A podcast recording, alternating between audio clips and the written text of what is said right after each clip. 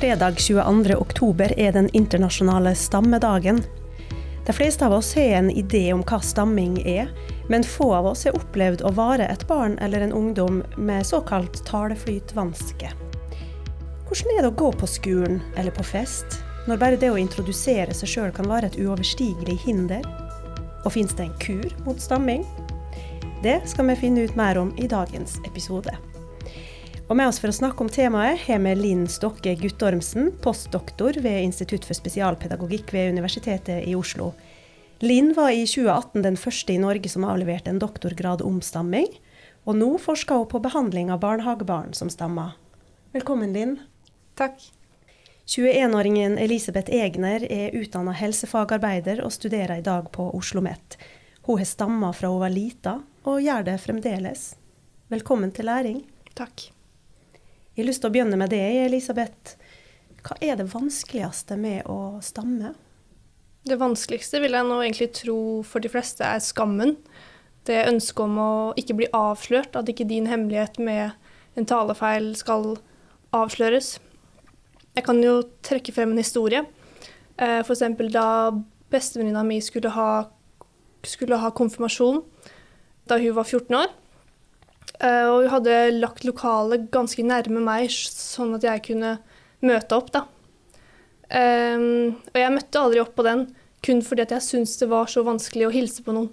Det var umulig å si mitt eget navn, fordi det tok så lang tid at 10-20 sekunder kunne gå før jeg fikk stotra ut e-e-e Elisabeth. Og det syns jeg var ganske tungt. Det skjønner jeg. Mm. Det er jo ei ganske ja, sår, sårt å høre, rett og slett. Og Linn Elisabeth greide altså ikke å si navnet sitt i bestevenninna sin konfirmasjon, og derfor så unngikk hun den situasjonen. Det er jo ganske alvorlig. Kan ikke du forklare oss hva stamming egentlig er? Ja, det gjør jeg gjerne. Stamming er talebrudd.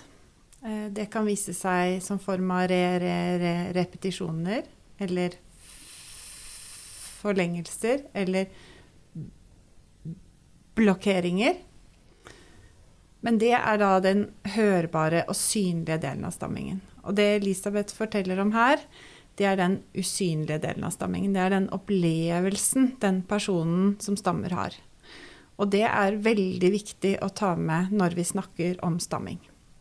Ofte så bruker vi en metafor når vi snakker om det. Vi snakker om et isfjell hvor vi har den synlige delen av stammingen. De talebruddene de har vi da over havoverflaten. Og så har vi da resten av isfjellet som er under havoverflaten. Som kan være negative følelser, som f.eks. skam, som du snakker om, Elisabeth. Det kan være endringer i atferd, at man f.eks. unngår en situasjon. Um, og det kan også være tanker man har om seg selv og måten man snakker på. Mm. Elisabeth, skal vi spole litt tilbake til når du var lita? Altså, når oppsto dette her? Husker du det? Det oppsto vel i hvert fall i førskolealder, rundt fem år. Og når oppdaga du det først, eller kjente du det igjen? Visste du hva det var når du merka det? Eh, når jeg først oppdaga det, så hadde jeg jo en bror som også tamma. Eh, så jeg visste at jeg måtte ta hensyn når han satt og leste på kjøkkenet. Og når han øvde på talen, om man skulle ha fremføringer på skolen eller om man skulle ha høytlesning. Eh, så jeg hadde lært meg å ta hensyn til han. Eh, jeg har også en far som stammer, så jeg visste at det her var noe som var arvelig, og noe som jeg fikk fra han, da. Broren min er jo også Han er åtte år eldre enn meg, så han var også den jeg så opp til, eh, både før jeg begynte å stamme, og etter. Så han er fortsatt den dag i dag den jeg ringer for å spørre om hjelp. Skal jeg ha en fremføring, eh, skal jeg på et viktig jobbintervju, så er det han jeg tar kontakt med. Så han fungerer som ei støtte for deg egentlig, og gjør det mindre fremmed, eller gjorde det mindre fremmed i starten? Ja, det gjorde at jeg visste hva jeg gikk til, og jeg visste hvem jeg kunne spørre om hjelp til når jeg behøvde det. Mm. Mm. Ja, Linn Elisabeth forteller her at hun har arva eh, denne utfordringa. Eh, er det den eneste årsaken til at stamming kan oppstå? Nei. Når vi forklarer stamming, så ser vi eh, på et sammensatt bilde av årsaker. Men det vi kan si, da, er at vi ser at stamming går igjen i familier, og at de barna som begynner å stamme, de har større sannsynlighet for å ha familiemedlemmer som stammer. Men gener er ikke den eneste forklaringen på hvorfor stamming oppstår.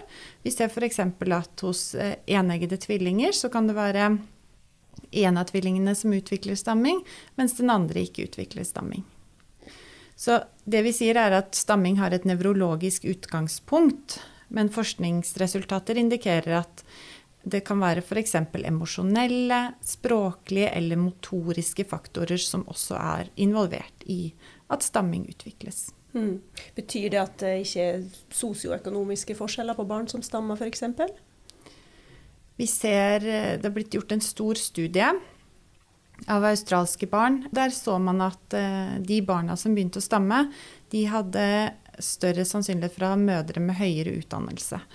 Å være tvilling og være gutter. Men totalt sett så disse tre faktorene de forklarer veldig lite av hvorfor stamming oppstår.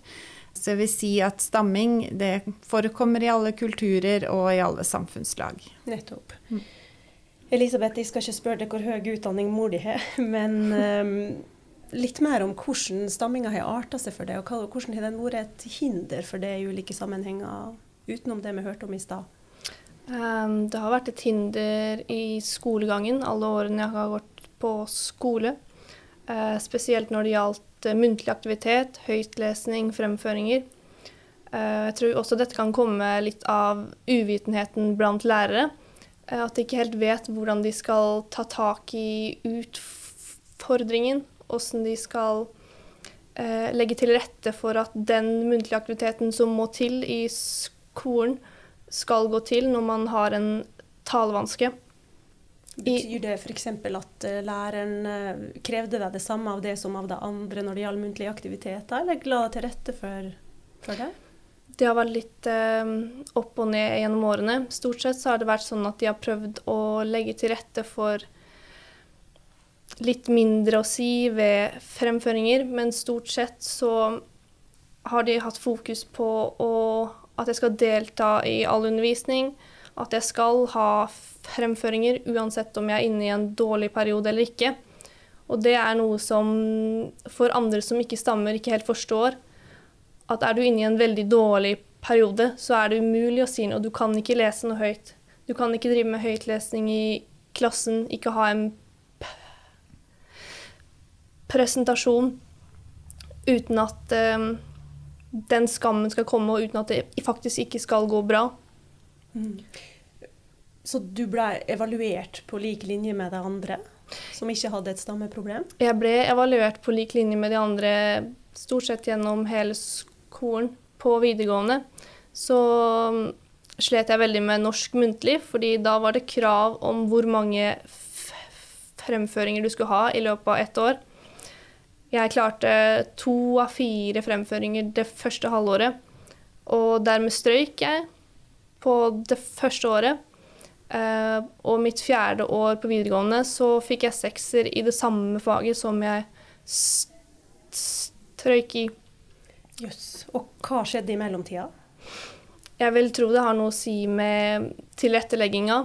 At jeg fikk lov til å ha fremføring på de premissene som jeg ville ha det i. Nettopp. Kjenner du igjen det her fra forskninga, Linn?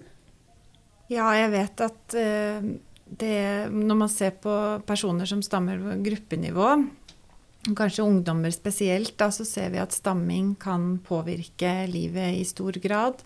Uh, vi ser at uh, det kan påvirke utdanning, både hva du velger, men også karakterer. Det kan påvirke hva du tenker om jobb. Det er f.eks. mange som tenker at de ikke kan ha jobber hvor de snakker mye.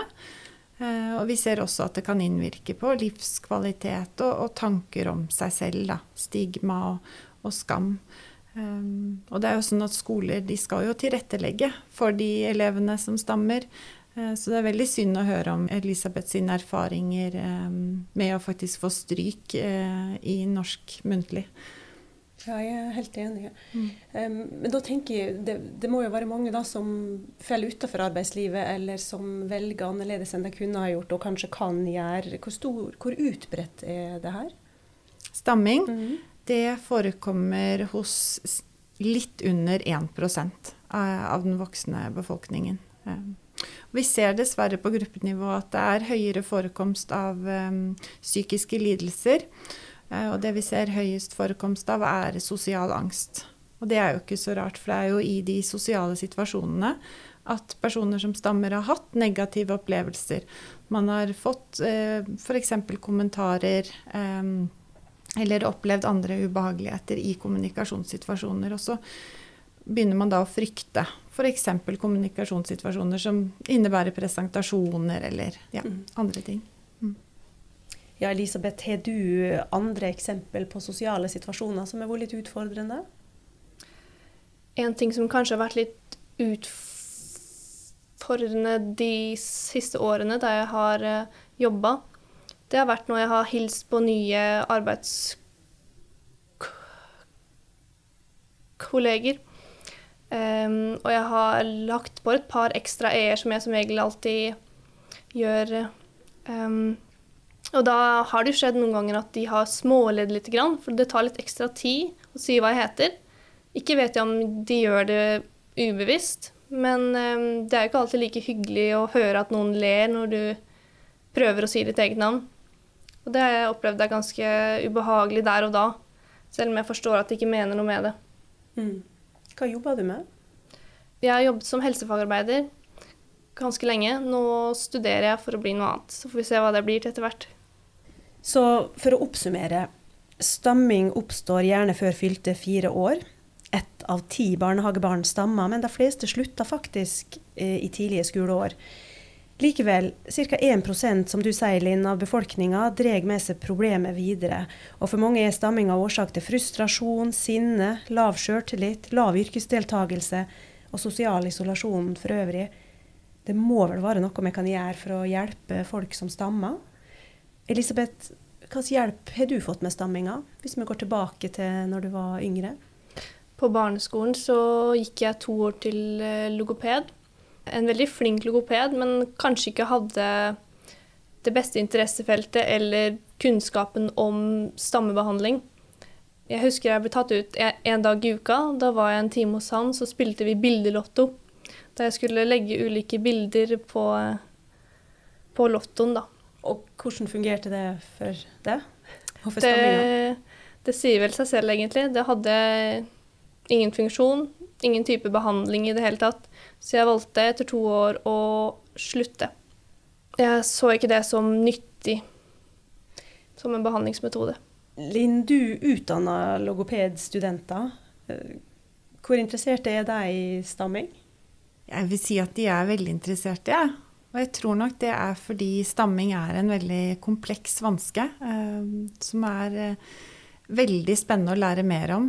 Og f.eks. de talebruddene som jeg nevnte i stad, så er jo det utgangspunktet. Men når man da opplever mange talebrudd, eh, som er en overraskende situasjon, og plutselig opplever man stamming, eh, og da er typisk respons at man spenner seg i kroppen sin. Akkurat som hvis vi går på isen og kjenner at 'oi, nå holder jeg på å skli', så spenner vi oss. Og det er jo det som gjør at stammeatferden utvikler seg. ikke sant? At det blir lengre stammeøyeblikk. At man står lenger i det fordi man spenner seg, og da er det enda vanskeligere å få ordene ut. Um, og man kan kanskje prøve å presse ordene ut også. Og i tillegg da, til at stamming kan variere. Alvorlighetsgraden kan variere, stamming kan være til stede i noen perioder. Og som du Elisabeth sa, så er det perioder som er vanskeligere enn andre perioder. Så er det også det komplekse bildet med hvordan opplevelsen av å stamme er, da. Jeg skjønner. Og da hjelper det kanskje ikke med bildet Lotto. Elisabeth, du prøvde noe annet etter hvert. Eh, vil du fortelle litt om det? På ungdomsskolen begynte jeg på et slags intensivkurs privat, så, eh, så vi måtte jo betale en del for det. Eh, på dette kurset så lærte jeg en ny pusteteknikk. Vi fikk også en god del verktøy som vi kunne ta med oss for å kunne lære å kontrollere stammingen. Og denne type mm, intensivkurs er jo veldig utfordrende. Så jeg vil jo ikke påstå at dette her er en behandling som passer for alle i det hele tatt. Det må man egentlig bestemme Eller det er litt opp til en selv. Vil du fortelle om noen av de teknikkene? Som sagt så lærte vi en del type verktøy for å kunne kontrollere stammingen. For det er ikke en type behandlingskurs. Det er ikke som mål å bli kvitt eh, det du har, men det, de har som mål at du skal være sjef over din tale. Jeg vil også trekke fram at det først og fremst er et selvtillitskurs. Det booster det å kunne stå i egen person, og det gjør at den skammen som du har følt på helt siden det første ordet du tamma på, den er ikke der. Nettopp. Jeg blir nysgjerrig, Elisabeth. Eh, I hvilken grad vil du si at du bruker teknikker nå når vi sitter og prater sammen her? I ganske liten grad, for det er et veldig intensivt eh, kurs um, som krever mye å, opprettholde. Uh, så de som er veldig aktive i det, de, de holde, kan holde på timevis hver dag med å øve på de, på de teknikkene. Uh, jeg bruker de i fremføringer. Også når jeg skal i utfordrende sosiale situasjoner. Og spesielt hvis jeg skal hilse på nye. Ja, for Elisabeth, du, du, virker jo veldig trygg og uanstrengt når vi snakker i lag her eh, og nå. Um, men du opplever fortsatt at det er litt utfordrende? I eh, sosiale settinger, i fremføringer, så er det fortsatt Så går jeg fortsatt med den klumpen i magen om at åh, oh, nå kan det hende jeg stammer mye. Nå vil jeg helst bare si én E istedenfor fem E-er når jeg hilser på noen. Så selv om stammingen er mye bedre enn den, den, har vært, så føler jeg at den klumpen i magen, den kommer nok til å være der. Mm. Men skammen er, mindre? Skammen er mye mindre. Mm. Linn, jeg må jo spørre deg, kan forskninga si noe om hva som hjelper voksne som stammer? Ja, eh, vi har litt ulike studier, eh, og det vi ser er at eh, ofte da, voksne som stammer, de har jo en veldig lang erfaring med stamming. Og ganske mange har mange negative opplevelser knyttet til stammingen. Så stamming er ofte mye mer enn bare den delen av isfjellet som er over havoverflaten. Så det vi typisk kan si om stammebehandling for voksne, er at den er helhetlig. Eh, og at det både fokuserer på enten å bedre taleflyten eller endre de stammeøyeblikkene. At de f.eks. skal bli kortere. Um, eller med mindre spenninger. Men vi ser også at uh, mye av behandling også fokuserer på å endre den delen av isfjellet som er under havoverflaten. Altså jobbe med å endre tanker og unngåelsesstrategier, f.eks. Mm. Men likevel, du Linn er for tida mest opptatt av de yngste, altså barnehagebarna. Hvorfor det? Ja, det stemmer. Nei, eh, forskningen har eh, i stor grad fokusert på, på, de eldre barna, eller voksne, når man har sett på hvordan stamming innvirker på livene. Eh, og det syns jeg det var veldig spennende å kunne undersøke nærmere. Hvordan er det for eh, de yngre barna å stamme? Og der ser vi jo at eh, barnehagebarn de kan også oppleve negativ innvirkning av stamming. De kan oppleve at jevnaldrende f.eks. går fra dem fordi de ikke har tålmodighet til å høre på dem, eller oppleve at de hermer etter dem.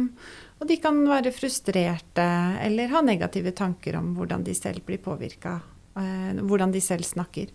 Så jeg syns det er veldig fint å løfte fram det at barnehagebarn de kan også eh, oppleve påvirkning av stamming, eh, og at de også kan være bevisste. For det, tidligere så har det vært en litt sånn tanke om at eh, det er ikke så farlig med de aller yngste, fordi stammingen går jo over, og de merker sikkert ikke noe til det. Men det vet vi at for mange så er ikke det tilfellet. Mm. De kan absolutt være bevisst på at de stammer. Vi må ta det på alvor òg. Vi må ta de minste på alvor også. Mm. Og det er ikke alle som er så heldige, da, eh, som du Elisabeth, som har en storebror som eh, kan være et forbilde og, og ei støtte.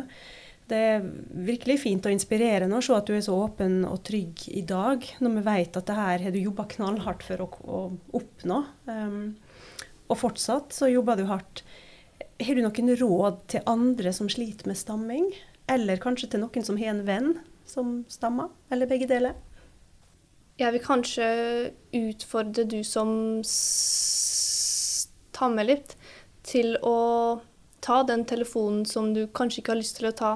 Ta en fremføring. Si én setning, si to. Si et par ord, hvis det er det du får til. Jeg vil også kort nevne NIFS, Norsk interesseforening for stamming og løpsk tale. Der du som stammer kan møte andre, unge, voksne, og bygge deg et slags støttenettverk. For det er uh, uheldigvis ikke alle som har familie som stammer. Det er ikke alle som har arvet det, og det er ikke alle som vet hvem eller hvor de skal henvende seg til. Jeg vil også kort si at der du står nå, der har jeg også stått. Og vite at du er ikke alene i det. Kjempefint. Linn, eh, som du nettopp har fortalt, så forsker du nå på effekter av behandling av stamming blant barnehagebarn. Hva er ditt råd til småbarnsforeldre eller barnehagelærere? Hva bør de være oppmerksomme på? Tenker at det er viktig å si at det kan være vanskelig å skille mellom stamming og den naturlige ikke-flyten, de talebruddene som vi hører hos alle barn som lærer seg å snakke i lange, komplekse setninger. Og der eh, er det viktig å lytte til foreldrene. Det vi ser, er at hvis foreldre er bekymra for stamming, så er det ofte det. Det tenker jeg at det er viktig. At eh, foreldre og de aller minste blir tatt på alvor. Så vil jeg si det var veldig fint det du sa, Elisabeth. Helt enig. Takk. Tusen takk til dere to for en åpenhjertig og lærerik samtale, forsker Linn Stokke Guttormsen og modige Elisabeth Egner. Takk for at du hørte på denne episoden av Læring, som ble researcha av Katja Evjen og Monica Bjermeland, og produsert av Shane Colvin. Du finner oss på Det utdanningsvitenskapelige fakultets nettside eller Facebook-side, og på Spotify og iTunes. Mitt navn er Monica Bjermeland. Vi høres.